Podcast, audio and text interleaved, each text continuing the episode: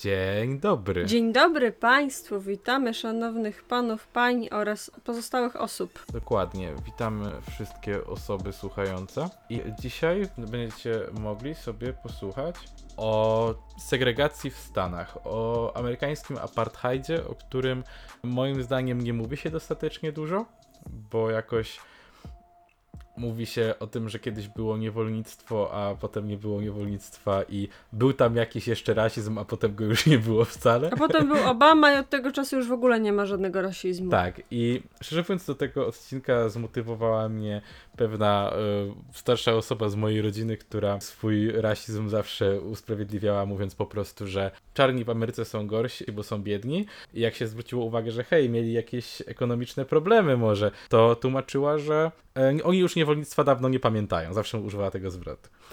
Oni niewolnictwa już dawno nie pamiętają. I e, Zawsze było to dla mnie ciekawe, bo już pamiętam jako dzieciak, zawsze miałem taką jakąś wrażliwość, że coś jest nie tak w tym stwierdzeniu i sobie wtedy trochę poczytałem i patrzyłem, że hmm, ciekawe, że, to wiadomo, wtedy jeszcze nie znałem całego jakby obrazka, nie? Ale że dopiero w latach 60. wiele takich rzeczy, na przykład jak jakieś wspólna edukacja i tak dalej zaczęło się pojawiać i miałem takie, że coś tu mi nie gra, że osoba, która akurat już wiem, była starsza osoba, część życia przeżyła przed tamtymi czasami nawet, uważa to za jakąś super odległą przeszłość, która nie ma wpływu na rzeczywistość.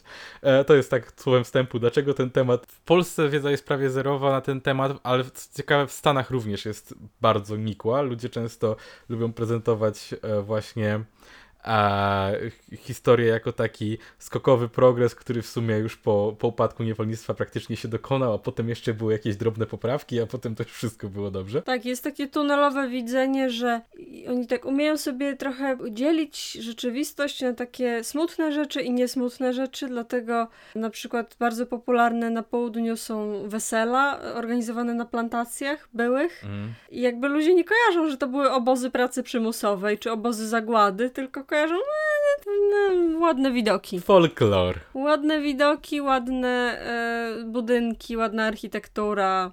Na chuj drążyć. No, tak, i ogólnie jaranie się stylem takim właśnie postkolonialnym, który głównie e, był tak naprawdę domami plantatorów, które były zbudowane na ciałach i krwi i pocie e, czarnych niewolników. No, to jest, to jest właśnie, zresztą jakiś czas temu też, teraz był ten projekt w Stanach w związku z tą, tym wprowadzeniem do edukacji e, uwzględnienia perspektyw właśnie czarnych niewolników w budowaniu jakby państwa. The 1619 e, Project.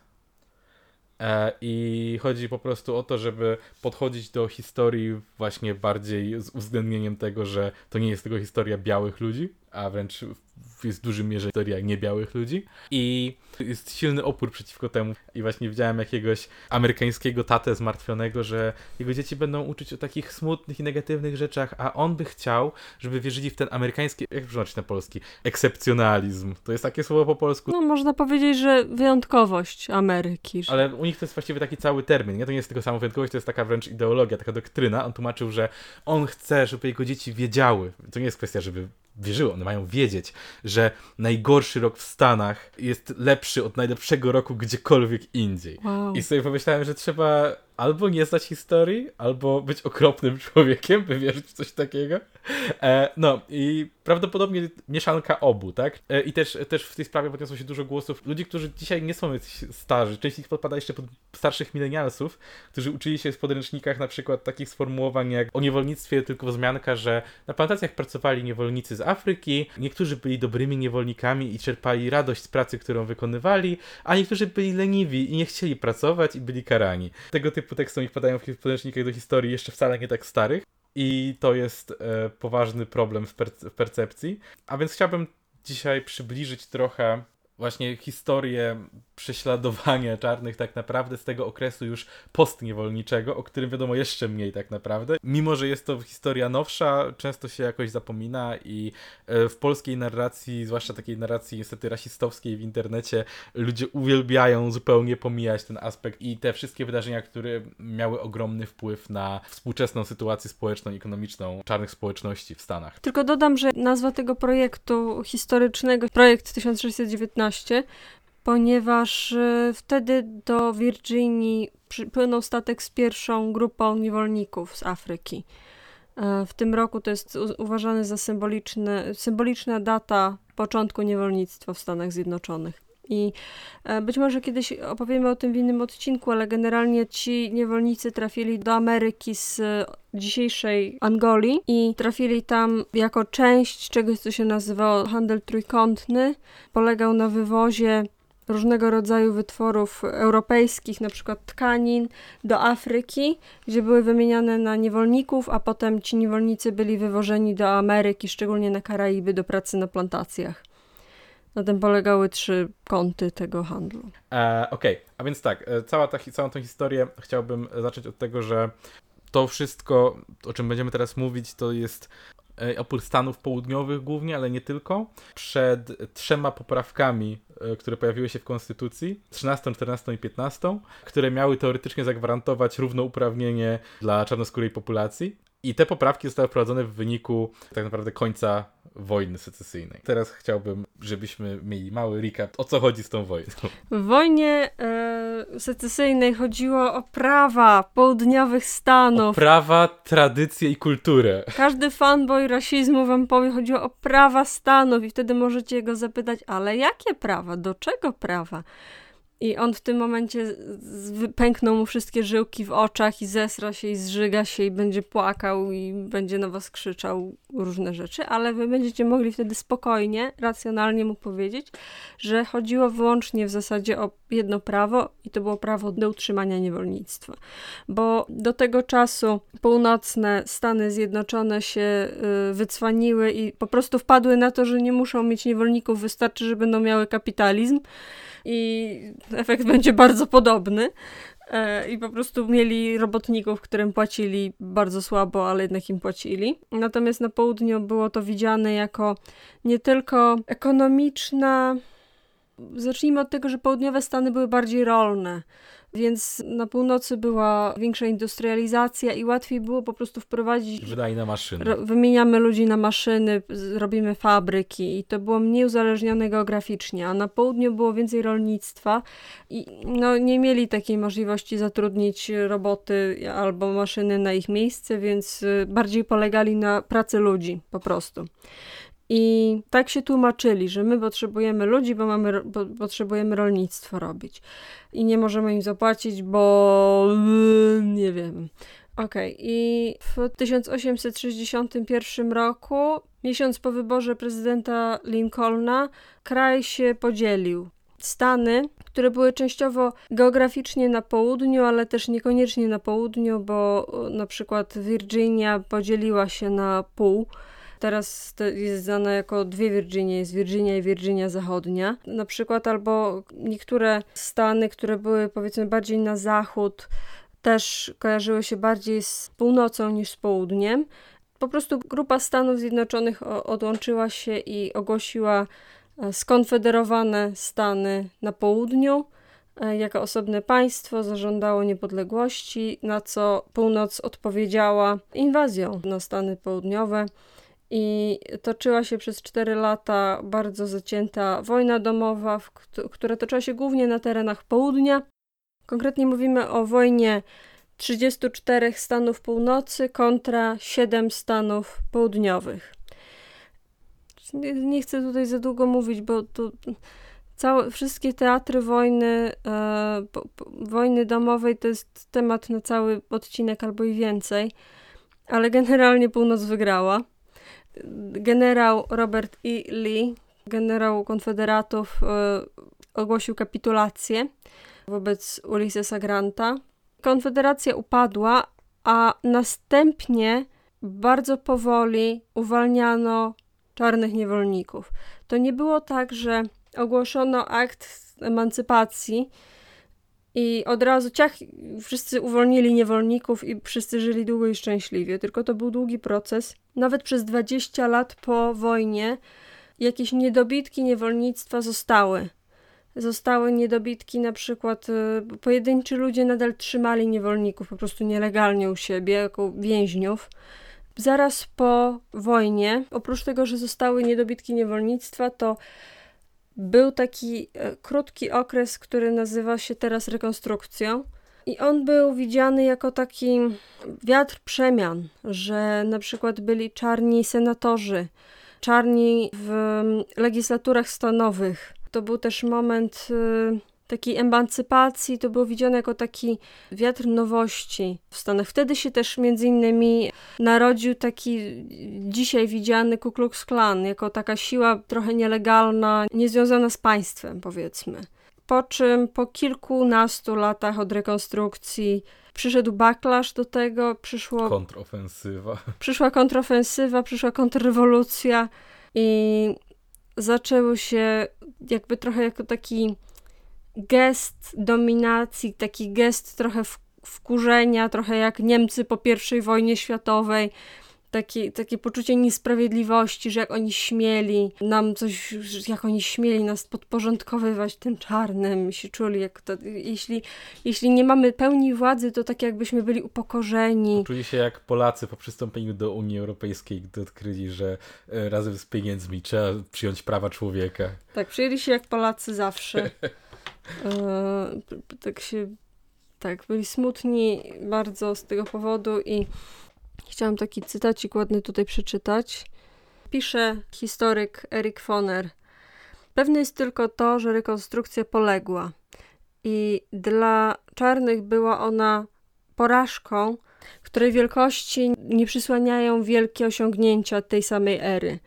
To znaczy, z jednej strony miało miejsce, miał miejsce duży skok naprzód pod względem humanitarnym na południu, ale z drugiej strony sposób, w jaki to było robione, że to było robione na przykład za pomocą wojska, sprawiało, że y, te zmiany się nie przyjęły. One stw- stworzyły większy backlash niż dały na południu. I to właśnie od tego momentu zaczęły się pierwsze prawa w rodzaju Jim Crow. Ale o tym zaraz będziesz jeszcze mówił. Tak. A jeszcze chciałam powiedzieć, jakby przeczytajmy najpierw, jakie były w ogóle treści tych poprawek, które, które e, wprowadzono, bo wprowadzono trzy poprawki do konstytucji wtedy. Zniesienie niewolnictwa i prawa gwarantowanej korzyści z obywatelstwa. To były te, te, te prawa, które wprowadzono w tym, w, w, w tym momencie. Pierwsza to trzynasta poprawka brzmi: Nie będzie w Stanach Zjednoczonych lub jakimkolwiek miejscu podległym ich władzy ani niewolnictwa, ani przymusowych robót, chyba że jako kara za przestępstwo, którego sprawca został prawidłowo skazany. Tutaj e, posiadacze prywatnych więzień e, ścierają pod czoła i jadą dalej, nie? Tak. E, I, muszę tutaj, oprócz tego, że e, ścierają pod czoła od początku, było wiadomo, że to jest wyłącznie dla nich zrobiony przepis. Nikt nigdy nie udawał w żadnym momencie historii, że to będzie robione a la gułagi, że jak, ni- nikt nie udawał nawet, że będzie jakiś ja- jakiś pretekst re, rehabilitacji, re, nie wiem, reedukacji kogokolwiek. Nie, nie, nie. Zawsze było wiadomo, że to będzie niewolnictwo i wyłącznie do celów kapitalistycznych. E, na przykład od razu było wiadomo, od razu wy- wykluł się taki fenomen jak chain gangs, czyli ludzie, którzy byli skuci kajdanami na całe życie i pracowali w tych kajdanach w polu przez, po prostu byli ze sobą ze sobą skuci na całe życie. No, na cały wyrok w każdym razie. Nie, na całe życie, bo umierali zazwyczaj w trakcie wyroku. Tak było to robione, żeby umarli. No tak, no i też jakby normalnym było to, że posiadacz więzienia otaczał więzienie plantacją i po prostu pracownicy, w sensie więźniowie byli wyprowadzani rano i do późnego, późnego wieczora, wczesnej nocy pracowali po prostu w polu właśnie skuci i tak naprawdę e, ten posiadacz więzienia sprzedawał w ten sposób wytwarzane dobra, więc w sumie różnica była taka, że miał, miał jeszcze bardziej wywalone w to, czy jego niewolnicy przeżyją, czy nie, bo ciągle dostawał nowych za darmo tak naprawdę, jeszcze mu płacono za to, żeby ich trzymał. Sorry, wracając do tych poprawek. Dobrze. Druga, dr- druga jest jeszcze zabawniejsza, bo, bo brzmi: Każdy, kto urodził się lub naturalizował w Stanach Zjednoczonych i polega ich zwierzchnictwu, jest obywatelem Stanów Zjednoczonych i tego stanu, w którym zamieszkuje. Żaden stan nie może wydawać ani stosować ustaw, które by ograniczały prawa oraz wolności obywateli Stanów Zjednoczonych. Nie może też żaden stan pozbawić kogoś życia, wolności lub mienia bez prawidłowego wymiaru sprawiedliwości, ani odmówić komukolwiek na swoim obszarze równej ochrony prawa. O! Do tego jeszcze przejdziemy. To była która? To była 14, tak? Bo 15 jest o prawach. Tak, trzecia to było ani Stany Zjednoczone, ani żaden stan nie może pozbawić ani ograniczać praw wyborczych obywateli Stanów Zjednoczonych ze względu na rasę, kolor skóry lub poprzednie niewolnictwo. Co też, jak się okaże, jest y, totalnym kłamstwem, ale e, jak z tym, z tym memem. So that was a fucking lie. Ale zaraz o tym poopowiadamy więcej. Więc tak, chciałbym teraz e, opowiedzieć troszkę o tym, jakby, jak wyglądało życie amerykańskiej rodziny w tamtych czasach. Więc e, warto wspomnieć, że właśnie e, koniec, koniec XIX i początek XX wieku czyli czasy, o których mówimy. Przypominam, wojna secesyjna skończyła się e, w e, 1865 roku. Zaczęły się popularyzować takie e, jeżdżące trochę wesołe miasteczka z grami, ale też na przykład takie rozrywki rodzinne, typu gry planszowe i tak dalej. I co jest ciekawe, bardzo e, takim częstym motywem w e, tych grach była przemoc wobec czarnych, zwłaszcza na południu. Często symboliczna, ale czasem dosłowna. E, zaraz opowiem w jaki sposób. Ogólnie dzisiaj historycy bardzo często dopatrują się w tym właśnie takiej próby zgodnego z prawem wskazania e, właśnie czarnym Amerykanom, gdzie jest ich miejsce przez taki ogół społeczeństwa w tym momencie. Jako, że wszyscy czuli, że po tym jak biali czuli się tak strasznie zaatakowani przez rekonstrukcję i to, że byli zmuszeni do nietraktowania czarnych jak własności, próbowali się odegrać, pokazując, że nie akceptują po prostu tej, tego statusu. Możliwe, że kojarzycie z różnych bajek, jakichś nie może sitcomów, takie coś, że ktoś siedzi sobie na, albo nawet niektórzy youtuberzy robią jakieś takie challenge, że ktoś sobie siedzi na takiej ławeczce nad basenem i rzucają piłeczką i rzucają w tarczę i jak ktoś trafi w tą tarczę, to osoba wpada do wody, nie? I jest haha śmieszne. Często to było w różnych kaczorach Donaldach, takich rzeczach, a też pierwotnie nazywało się to między innymi African Dip albo Dip Mm. albo Dump the N-word. I e, polegało to na tym, że sa- sadzano po prostu czarną osobę nad balią e, i celowano w e, tarczę, czasem w samą osobę, żeby ją zrzucić do, do bali. Kolejna podobna gra nazywała się przykład African Dodger. I to też można kojarzyć z różnych głupich komedii. Najczęściej, że ktoś trzyma głowę w takim jakimś wyciętym materiale i rzucają w niego ciastem albo czymś. W oryginale ta gra powstała w ten sposób, że znowu brano czarną osobę, trzymano ją tam i od, odwiedzający park rozrywki mogli rzucać na ogół e, piłkami, czasem e, jabłkami e, w tę osobę. To często powodowało uszkodzenia ciała, ale ta osoba była miała za to płacone w jakiś sposób, bo była pracownikiem. E, przy czym nie było w tamtych czasach jakichś regularnych praw odnośnie e, pensji minimalnej, więc często było to tak naprawdę e, coś, za co ta osoba mała po prostu e, jedzenie. I tak, co, cie, co ciekawe, z czasem, gdy coraz trudniej było znaleźć e, chętnych, powiedzmy, pracowników, żeby byli ofiarą tej gry, zaczęto robić e, drewniane figurki w kształcie głów i to jest trochę straszne, praktycznie zawsze na wszystkich tych figurkach, jak te, które się zachowały i na ilustracjach i tak dalej, te, te osoby są uśmiechnięte. Praktycznie nigdy nie jest przedstawione, że oni jakoś cierpią w wyniku tych obrażeń, co znowu analizuje się trochę tak, że miało budować poczucie, że że to nie, bo to była swoją drogą narracja, którą często przedstawiano między innymi w, w białych kościołach, że e, czarni są stworzeni do cierpienia, oni nie do końca nawet czują ból tak jak my i oni są w porządku z tym, że są bici. I jest dziwne podobieństwo w tym, jak te gry właśnie próbowały przedstawić przemoc wobec czarnych, a jaka była narracja rasistowska wtedy.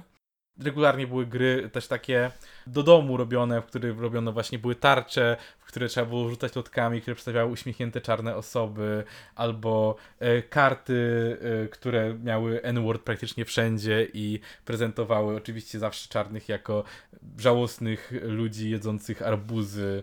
I swoją drogą, jeżeli ktoś dzisiaj używa tego żartu z arbuzem jako haha, edgy humor i a jak cię to może obrażać, haha, to tylko taki mem, To nie jest mem, to jest y, narracja rasistowsko-faszystowska sprzed 150 lat. To jest y, wciąż bardzo aktualna sprawa i jakby warto o tym wiedzieć, bo ludzie dzisiaj używają tego jako tylko śmieszny, edgy żart, ale to jest ciągle ten sam rasizm, który był 150 lat temu. No tak, więc ogólnie stało się to taką normalką i to, i to trwało całkiem długo, bo właśnie znalazłem jeszcze coś takiego, że e, Butler Brothers e, Catalog e, umieściło dwie gry jako najświeższe nowoczesne gry i było tam właśnie wśród najświeższych nowoczesnych gier było Little Ducky Shooting Gallery, trzema, przedstawiającymi czarne osoby, fi, figurami, do których strzelało się z wiatrówki i Ten Pins, które znowu polegało na rzucaniu e, lotkami po prostu w afroamerykańskie postaci. I to było jakby, i to dziewięć- 1914 rok jako świeże, nowoczesne gry. To jest czas tak naprawdę nie tak odległy. Z czasem zaczęło to troszkę znikać, gdy zaczęła się ogromna migracja głównie uwolnionych e, eks-niewolników z południa na północ. E, I też zaczęli, zaczęli oni zarabiać trochę pieniędzy, zaczęli znajdować trochę lepszej sytuacji. No i producenci zaczęli czuć, że no, bycie znienawidzonym przez nowy target nie jest najlepsze, ale bardzo długo to ograniczenie e, tej sytuacji polegało co najwyżej na tym, że na przykład wśród śmiesznych czarnych postaci umieszczali jakąś karykaturę Irlandczyka na przykład i uważali, że wtedy wszystko jest w porządku.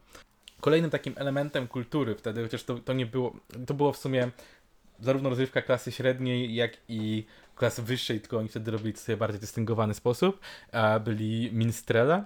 To pierwotnie byli, było okres określenie na takich bardów, ale bardzo szybko stało się dość ekskluzywne, zwłaszcza w tamtym, w tamtym okresie, czyli mniej więcej w tak, no, ostatniej ćwiartce XIX wieku.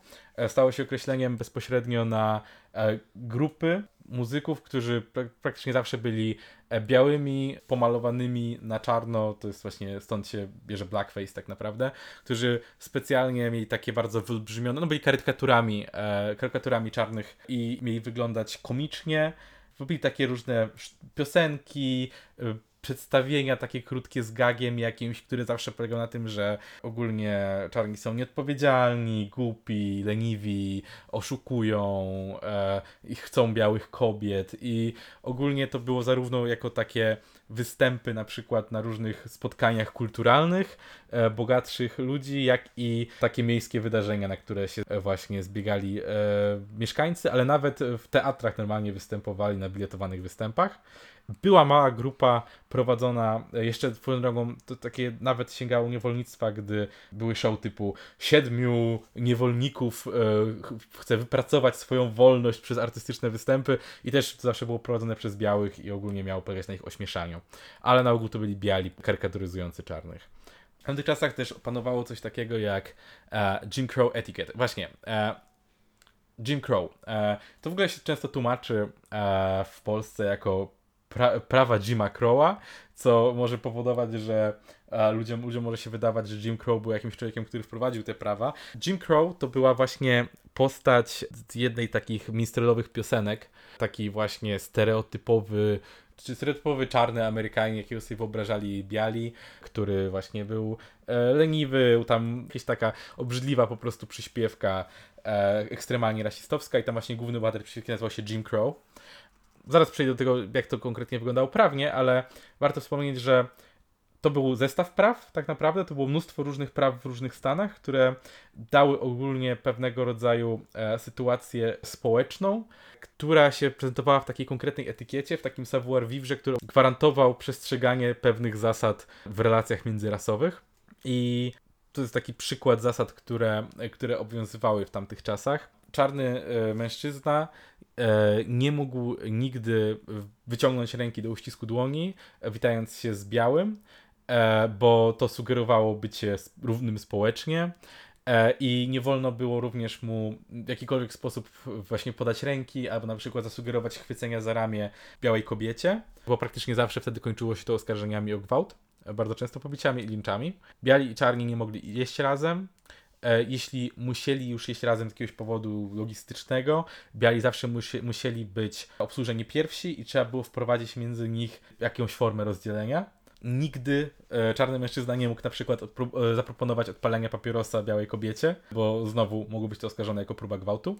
Co jest w ogóle takie ciekawe, na ja, ja sam o tym wcześniej nie wiedziałem, że było te, tego typu zasada. Nie wolno było czarnym parom okazywać sobie czułości w przestrzeni publicznej. Całowanie się było zupełnie e, zabronione, bo tłumaczono, że to obraża białych, Wszystko obraża białych. ciekawie analogiczna sytuacja swoją drogą do pewnego zjawiska w Polsce obecnie. Hmm.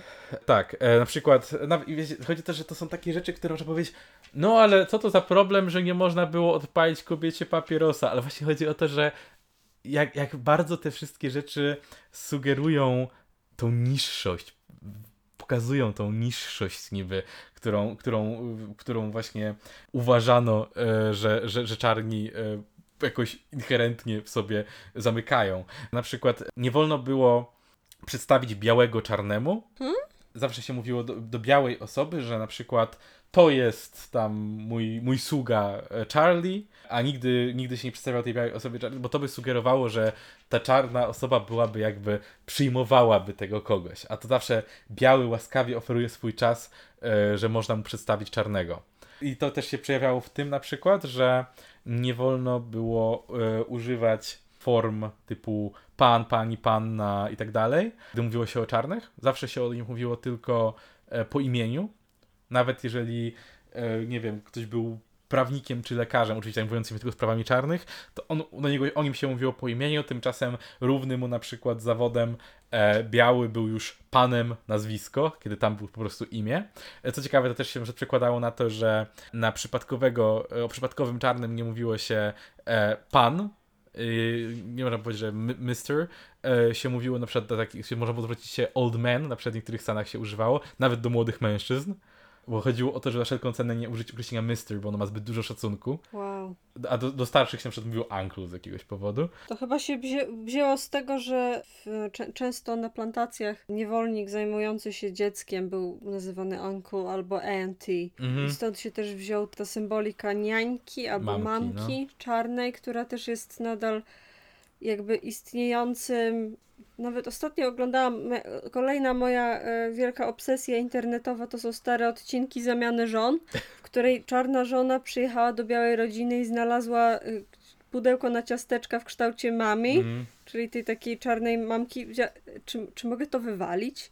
I na nią strasznie nakrzyczeli i zaczęli płakać, że nie, nie możesz wyrzucić tej niańki. To był odcinek nakręcony chyba 10 lat temu. Mhm. Także tak dla perspektywy wam to tylko mówię. No, oczywiście nie wolno było jeździć e, w samochodzie czarnym i białym e, razem. Jeżeli już musieli, to czasami wolno było przywieźć e, czarną osobę na tylnym siedzeniu. I też to jest ciekawe, jeżeli dojeżdżali do skrzyżowania kierowcy czarni i biali, czarny musiał przypuścić wszystkich białych najpierw. To było jakby nadrzędne prawo w momencie skrzyżowania, że musiałeś widzieć kierowcę i patrzeć, czy jest czarny, czy biały. I jeżeli byłeś czarny i przypadkowo pojechałeś pierwszy przed białym, to że mo- mógłbyś mieć poważne problemy.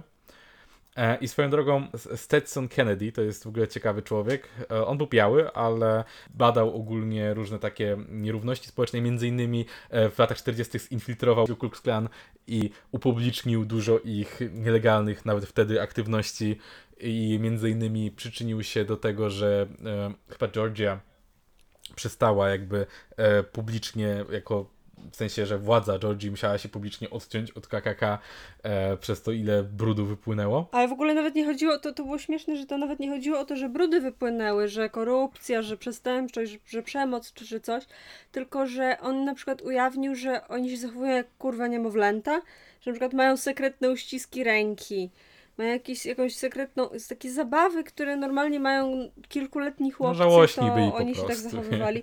Byli żałośni. I on, to było fajne, że on na to wpadł, że, że, żeby nie pokazywać ludziom, że o, patrzcie, bo to trzeba mieć moralność i w ogóle i trzeba traktować ludzi z szacunkiem, bo wiedział, że to nie zadziała, tylko po prostu Ośmieszył ich. zrobił im shaming. No.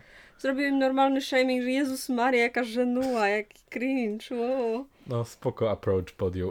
Ale w każdym razie on, on w 59 roku napisał Jim Crow Guide to the USA. W 59, czyli na, na przestrzeni ostatnich lat swoich, jakie w sensie, czyli już w trakcie teoretycznie zmian pewnych, on wciąż jakby obserwował e, takie zasady działające na południu i zrobił właśnie taką listę na to, co, na co czarni powinni zwracać uwagę rozmawiając z białymi. I na przykład, żeby nigdy nie sugerowali, że biała osoba kłamie, e, nigdy nie sugerowali białej osobie e, niehonorowych intencji, nigdy nie sugerowali, że biała osoba należy do niższej klasy społecznej niż oni, żeby nigdy nie sugerować albo, demonstrować, że posiadają większą wiedzę lub inteligencję, e, nigdy nie obrażali białej osoby. e, nigdy nie śmiali się z białej osoby i nigdy nie komentowali, jak wygląda biała kobieta. I to nie było na zasadzie, że on tak uważał, że tak powinno być, tylko to było, on akurat walczył rzeczywiście z tym i walczył o równouprawnienie, w każdym razie, no, jako jako powiedzmy osoba działająca w mediach, czyli jakoś uświadamiająca, ale właśnie napisał tą książkę krytycznie pod tym względem, że już od tylu lat teoretycznie jest ta równość, tak, bo to było prawie 100 lat od wprowadzenia tych poprawek do konstytucji, a wciąż takie zasady są istotne, bo można w poważnych problemach, jeżeli jest się e, czarną osobą. Więc skąd właściwie się wzięły te prawa Jim Crow? Bo tak, teoretycznie miała być równość e, niezależnie od koloru skóry, miało nie być prześladowania według koloru skóry. Ale wszystko się tak ugruntowało prawnie w wyniku konkretnej sprawy, bo jak, jak to w Stanach, więc tak, były pewne, pewne rasistowskie prawa w Stanach, Część tam, wiadomo, były jakieś przepychanki prawne, czy tak może być, czy nie, ale ostatecznie wszystko e, udupił Sąd Najwyższy w sprawie Plessy vs. Ferguson w 1896. E, Ten wyrok sądu ostatecznie ugruntował to, że te prawa są po prostu zgodne z konstytucją, że e, ta etykieta Jim Crow jest czymś, co trzeba przestrzegać. Po prostu dał taki okropny cios ten, ten wyrok całemu postępowi. I to wyglądało mniej więcej tak, że w Luizjanie w 1890 roku przepchnięto ustawę o osobnych wagonach. Tłumaczono, że trzeba zapewnić pasażerom wygodę równą, ale oddzielną dla czarnych i białych tak naprawdę że było to, że oczywiście mm, mówiono o tym, że to jest równe, ale, ale oddzielne, kiedy tak naprawdę po prostu czarnym dawano jakieś najgorsze e, miejsca, nie zapewniano im, nie zapewniano im po prostu jakichkolwiek wygód takich jak białym. No i e, w 91 e, grupa działaczy postanowiło to przetestować i umieścili Homera a Plisiego, który był e, według tamtych, tamtejszego prawa, bo to się wtedy genetycznie rozstrzygało na zasadzie drzewa genealogicznego, czy genealogicznie, genetycznie, że jest w siedmiu ósmych biały i w jednej ósmej czarny, ale to już sprawiało, że według prawa był czarny. E, usiadł mhm, właśnie... Było coś takiego jak prawo jednej kropli. Jedna kropla krwi czarnej to znaczyło, że jesteś czarny, nawet jak totalnie nie wyglądałeś. Oni tłumaczyli właśnie, że to jakby po krwi można, były takie pseudonaukowe teorie, że po krwi można poznać rasę i dlatego coś tam. Właśnie on usiadł w wagonie dla białych i nie chciał ustąpić miejsca, gdy kazano mu się przejść, został aresztowany i jego, jego prawnik próbował bronić, że e, Louisiana nie ma jakby prawa, by dawać etykietę etykietkę biały, czarny po to, by ograniczać komuś prawa i przywileje, no bo konstytucja, ale Sąd Najwyższy powiedział, że tak długo jak rząd stanowy zapewnia, że przywileje i obrona wolności jest dla czarnych jest równa dla, dla, taka, jak, taka jak dla białych, to instytucje mogą być e, osobno i to jest w porządku. E, w sensie właśnie mogą osobno być przydzielone dla czarnych i dla białych i to zostało przegłosowane 7 e, do 2 i, I tak naprawdę w tym momencie to sprawiło, że równość stała się totalnie, totalnie symboliczna, no bo na przykład jeżeli nie masz, y, nie wiem, konstytucyjnego obowiązku dać wszystkim porówno wody, no to możesz dać wody tylko białym, no bo czarnych prawo jest, y, jest chronione przez, przez stan, ale e, nie ma nigdzie w prawie stanowym, że trzeba dawać im wodę i tak dalej. I chodzi o to, że tak naprawdę to prowadziło pełną segregację, wtedy pojawiła się taka doktryna, że właśnie ta, ta doktryna z tego prawa stanowego została przyjęta w sumie na całe południe, że e, mówiono, że jest separate but equal, tak? czyli osobno, ale równo, co było totalnym kłamstwem. Tak naprawdę od tego momentu zaczęło się totalne gówno e, w prawodawstwie. Na przykład południowe Stany zaczęły wprowadzać coś, co swoją drogą do dzisiaj trwa, jest trochę bardziej wy, wyrafinowane i wyrachowane. Czyli zaczęto specjalnie ograniczać prawa wyborcze czarnych. E, to jest coś, co dzisiejsze Stany często robią na przykład poprzez wymaganie dokumentów, dlatego że no, w wielu Stanach nie ma czegoś takiego jak jakiś taki uniwersalny dowód osobisty, więc na przykład specjalnie wybiera się po danych statystycznych, e, jaki rodzaj dokumentu e, najrzadziej mają czarni i wybiera się, że ten dokument jest potrzebny zarejestrować się na wybory na przykład są tego typu sytuacje. A, no jeszcze były słynne testy na e, umiejętność czytania. Tak, tak, i właśnie, więc teraz podałem przykład taki współczesny, ale jak to działało wtedy? Wtedy robiono dużo bardziej bezczelne sposoby, więc na przykład było coś takiego jak poll tax, czyli po prostu podatek od brania udziału w głosowaniach, co oczywiście uniemożliwiało głosowanie biednym ludziom. Były testy na umiejętność czytania, Te, e, albo wystarczyło pokazać, że posiadasz nieruchomość. A warto wspomnieć, że po zniesieniu niewolnictwa było coś takiego jak e, taki akt ogólnostanowy, który rozdał ogromną ilość ziemi, ale tylko białym. E, więc ogólnie do dzisiaj bardzo często e, ekonomiści zwracają uwagę, że właśnie czarni są w dużo gorszej sytuacji niż biali, że mimo, że e, właśnie wage gap, że różnica w zarobkach między czarnymi a białymi e, spada, to majątek ciągle jest absurdalnie e, rozbieżny między białymi a czarnymi, głównie przez nieposiadanie nieruchomości, bo w Stanach nieruchomość jest tak naprawdę gwarancją e, jakiegoś bogactwa. I chodzi o to, że A, jeszcze chciałam powiedzieć tylko a propos tych testów na y, umiejętność czytania, bo to jest cała rzecz, którą, która jest absolutnie, jakby my byśmy w Polsce powiedzieli, że to jest, że nawet dla nas to jest zabawne. Nigdy nie było czegoś chyba na taką skalę w żadnym etapie polskiej historii, żeby tak wyglądał jakikolwiek test. Ale to były testy tak stworzone, żeby się nie dało ich zdać. Że na przykład jest tam, y, to było tak, że dostawałeś 30 zadań, to nie był test, że przeczytaj to, nie wiem, i powiedz, co, co z tego zrozumiałeś, czy coś takiego. Tylko to, to na przykład było tak. Napisz od tyłu, od przodu. Co to znaczy?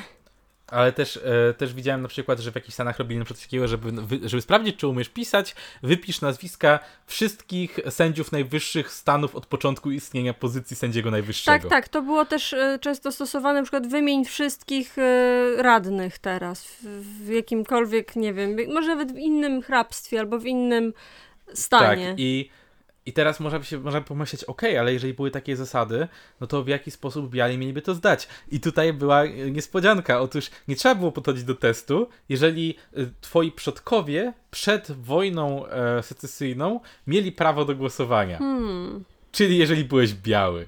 I w, w rezultacie e, zrobiono właśnie testy, które można było poddać wszystkich, których przodkowie nie mieli prawa do głosowania, czyli których przodkowie byli niewolnikami, e, które były nie do zdania. I, I tym sposobem po prostu uniemożliwiano e, czarnym głosowanie.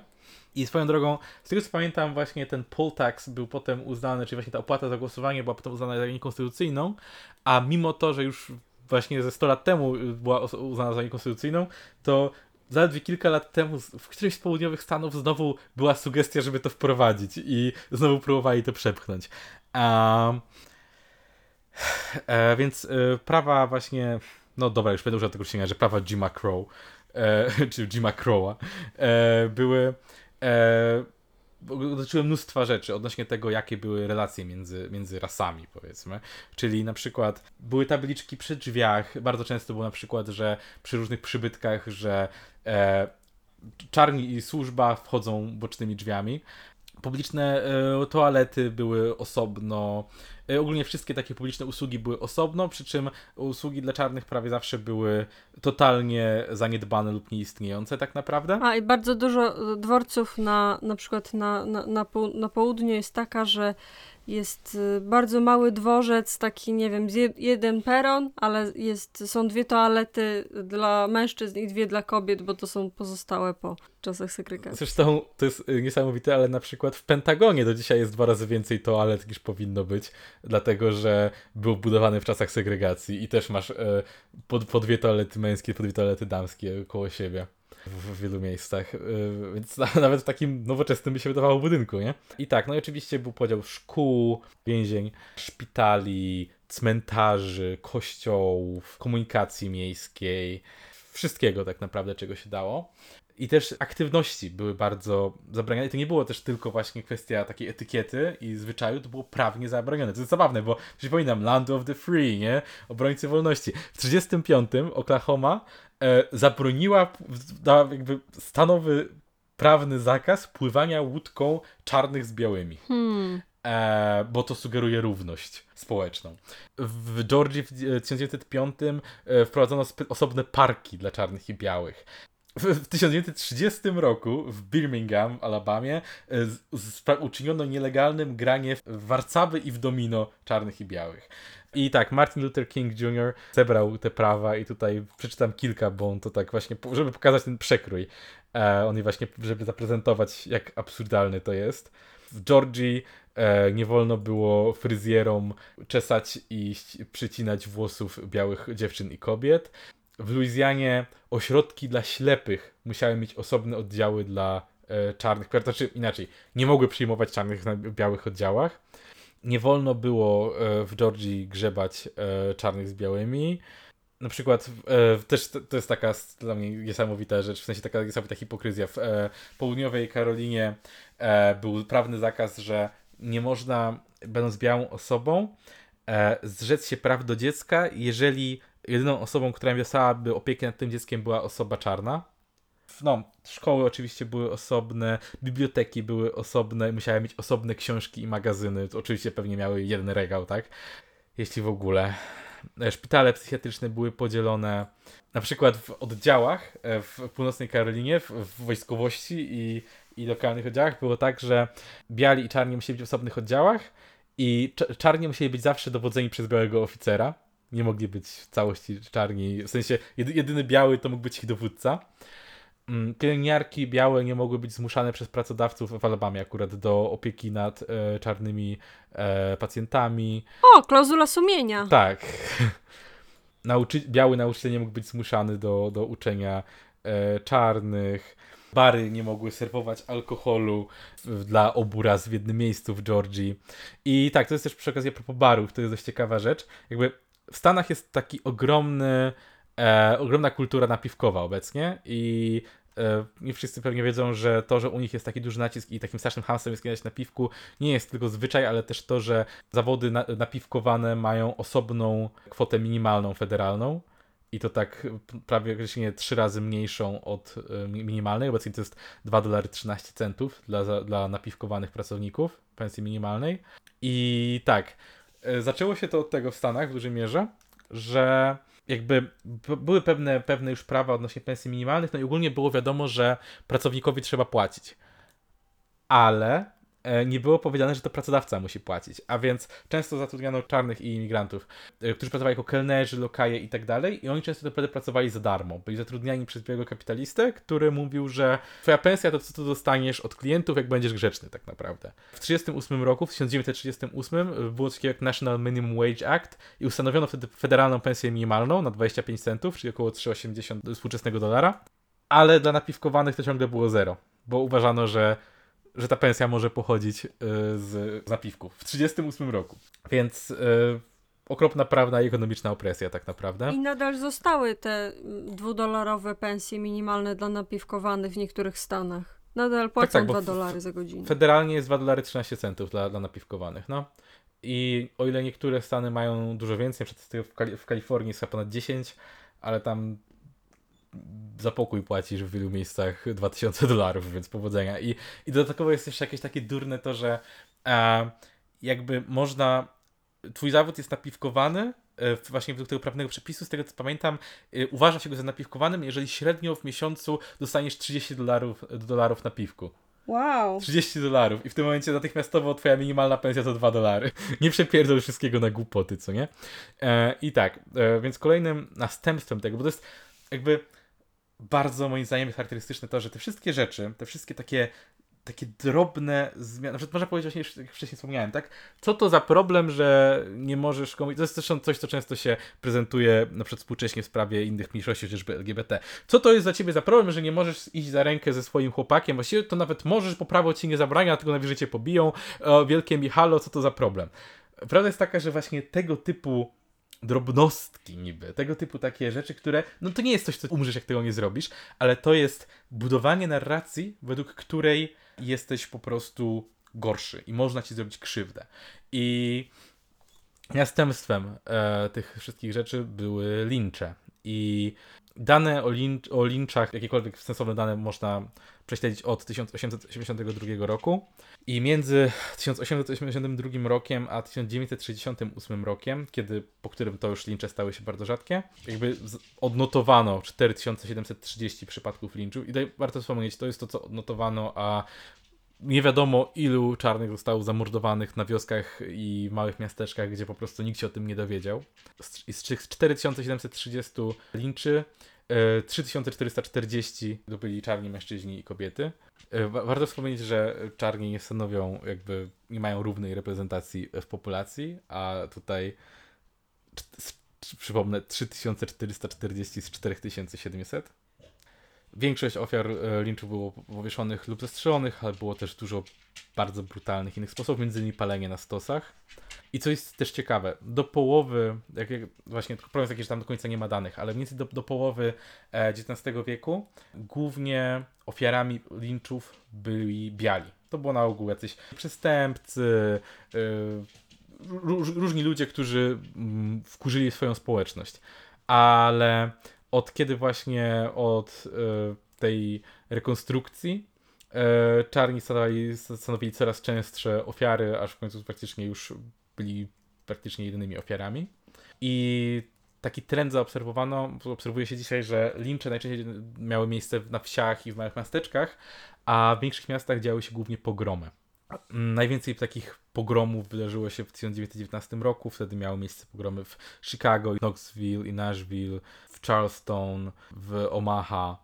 I jeszcze ponad 24 inne miasta e, w ciągu jednego roku, gdzie były po prostu regularne pogromy czarnych i zginęło wtedy niektórzy, niektórzy mówią o 77 e, czarnych, ale tak naprawdę liczby nie są do końca znane i co jest bardzo istotne, ta przemoc była wymierzona zarówno e, w ludzi, E, ale także ich e, całej społeczności, więc celowo e, niszczono domy, sklepy, wypędzano ich bezprawnie z, z, właśnie z domów, które często dopiero co zaczynali posiadać.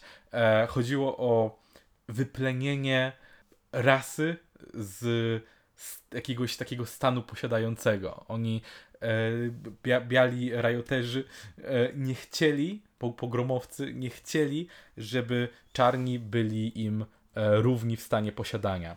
Dlatego, że jakby w amerykańskim myśleniu o ich kraju i o ich wolności zawsze to posiadanie ziemi, domu, sklepu było takim objawem niezależności, samodzielności, jakiejś siły.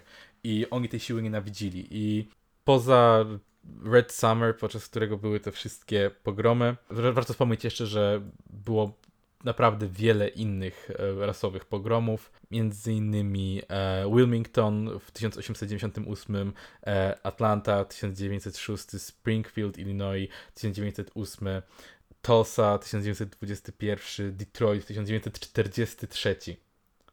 Nawet 43. I wiele, wiele innych.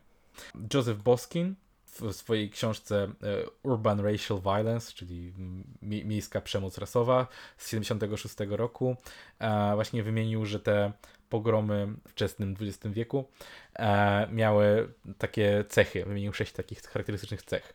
E, w każdym przypadku zamieszek z kilkoma wyjątkami to biali zaczynali incydent poprzez atakowanie czarnych mieszkańców. W większości zamieszek inne nietypowe warunki społeczne miały miejsce w trakcie wybuchu, czyli przedwojenne zmiany społeczne, zmiany wywołane wojną, powojenne dostosowanie się do nowego świata albo kryzys gospodarczy. Większość zamieszek miała miejsce w trakcie fal upałów, co ciekawe, w lecie zawsze. Plotki miały zawsze silną rolę w początku zamieszek. E, zawsze to były plotki jakiejś działalności przestępczej czarnej e, społeczności przeciwko e, białym. I to zawsze motywowało tłumy do przemocy. Zawsze to było, że jakiś czarny zgwałcił jakąś białą, że jakiś czarny zadźgał nożem jakiegoś białego. Zawsze były tego typu rzeczy. Przy czym Czasami rzeczywiście była jakaś sytuacja związana z jakimś przestępstwem, przy czym często na przykład nawet wystarczyła przemoc czarny wobec czarny, albo nawet biały wobec biały, gdzie nie był znany sprawca. Zakładano, że to czarny był sprawcą aktu przemocy i zaczynano pogrom całej dzielnicy. Policja bardziej niż jakakolwiek e, organizacja zawsze była zamieszana w początek lub przebieg zamieszek. E, w prawie każdych e, zamieszkach policja przyłączała się do atakujących albo aktywnie, albo po prostu ignorowała i nie chroniła. No i ostatni, w prawie każdym przypadku walki działy się w, czar w czarnych dzielnicach, w czarnych społecznościach. I dodatkowo warto jeszcze wspomnieć, że praktycznie zawsze przed zamieszkami e, w mediach pojawiała się nagonka i to taka bardzo brutalna. Raz, że rzucano wtedy N-wordami w gazetach, mimo że już zaczynało być ono jednoznacznie obraźliwe, e, ale mówiono ciągle o czarnej przestępczości, o czarnych przestępcach, o podejrzeniu, że coś działo się złego, zawsze podejrzewano, że tam był jakiś czarny, więc gazety miały ogromny wpływ na to. I co ciekawe, e, biali wtedy regularnie okradali czarne sklepy, czarne biznesy, domy i wypędzali często całe czarne społeczności z miast. George Fredrickson, historyk, e, ujął to w taki sposób, moim zdaniem bardzo trafny. Lincz był sposobem użycia strachu i terroru, by ukrócić niebezpieczne tendencje w czarnej społeczności, która była uważana za niedostatecznie kontrolowaną. W tej postaci stanowił on przyznanie, że zwykłe instytucje społeczeństwa poddanego segregacji nie stanowią wystarczającego środka codziennej kontroli. I tak naprawdę te wszystkie sytuacje działy się aż do mm, Civil Rights Movement e, i pewne ich przejawy, można powiedzieć, dzieją się do dzisiaj, zwłaszcza ostatnimi czasy. I tylko tak, żeby podać te ramy czasowe, więc jak już mówiliśmy, był w 1865 roku skończyła się wojna secesyjna, potem e, przez bardzo krótki okres e, panowała rekonstrukcja, po czym działo się to wszystko i wracając teraz do początku, czyli że jaki wpływ ma cała historia na współczesną czarną społeczność i na e, rasizm. Początki desegregacji edukacji to był 1954 rok, sprawa Brown e, versus Board of Education of Topeka. To była, to była sprawa, w której zapadł wyrok, że szkoły nie mogą być segregowane, że ma nastąpić aktywna desegregacja. Ślub międzyrasowy to jest w ogóle moim zdaniem urocze to, że sprawa nazywa się Loving versus Virginia, bo małżeństwo, małżeństwo, które zapoczątkowało tą, które, którym była ta sprawa w Sądzie Najwyższym, e, miało nazwisko Loving e, i to był rok 67, 1967. Naprawdę nie jest zamierzchła przeszłość. I dopiero wtedy w całych Stanach śluby międzyrasowe stały się legalne. E, w sensie w pojedynczych stanach bywa, były już wcześniej, w paru stanach nigdy nie były nielegalne, ale w znacznej większości stanów to 67 rok to był dopiero początek możliwości ślubów międzyrasowych. W latach 50. idea ślubów międzyrasowych była oceniana pozytywnie przez e, 5% społeczeństwa. Podejrzewam białego społeczeństwa, bo to głównie je pytano o opinię w medialnych różnych badaniach opinii publicznej. E, tymczasem w latach 2000 szacuje, szacuje się też, około 80% społeczeństwa, co jest moim zdaniem wciąż wynikiem zadziwiająco małym.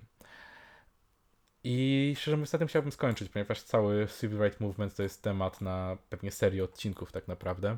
Jeszcze tylko chciałabym dodać, że y, generalnie jeśli chodzi o, y, o dalsze, powiedzmy, nawet nie, nie, nie mówiąc o Civil Rights Movement, ale takim E, takiej polityce e, mainstreamowej w Stanach, to ona nadal jest bardzo rasistowska. Joe Biden, jeden z głównych kandydatów na prezydenta, był bardzo e, dobrym przyjacielem szefa Ku Klux Klanu jeszcze parę lat temu i e, był, mm, zwolen, był przeciwnikiem tak zwanego busingu, czyli dowożenia czarnych dzieci do białych szkół ponieważ uważał, że przez to jakość nauczania spadnie i że to są szkoły dla, y, że granic y, tych wcześniej posegregowanych przez rasizm, granic między dzielnicami nie należy naruszać. To jest kandydat demokratów, nie republikanów, tak tylko Tak, mówię. to jest kandydat, który, przypominam, jego jedynym właściwie kandydatem jest Donald Trump, a więc to chyba powinno pokazać, jakie są, jaki jest stan rzeczy w Stanach w tej tak. chwili. I um, jeszcze chciałam coś powiedzieć. A, jeszcze jest w Stanach nadal pewien ruch na rzecz um, reparacji i drugi kontrruch, który ma na celu, żeby zapomnijmy, gruba kreska, te rzeczy, czemu my mamy odpowiadać za grzechy naszych dziadów i pradziadów. I zawsze jakby wszystko się sprowadza do tego argumentu, czy jakby ktoś ci sprzedał kradzione auto, to byś nie chciał, żeby ta oryginalna osoba dostała z powrotem to auto. I, na, i, i Amerykanie tłumnie mówią nie to jest moje kurwa auto. Więc tak. Yy, nie pozdrawiamy Amerykanów. Pewnie już, chyba już to mówiłem w którymś odcinku, ale jakby ludzie pokroju Bena Shapiro i tego typu konserwatystów, powiedzmy, amerykańskich, e, często mówią takie coś, że współcześnie prawo jest równe dla czarnych i białych, Oczywiście pomijając zupełnie, że mają różne punkty startowe i nie jest problemem systemowym to, że czarne społeczności są zawsze biedniejsze.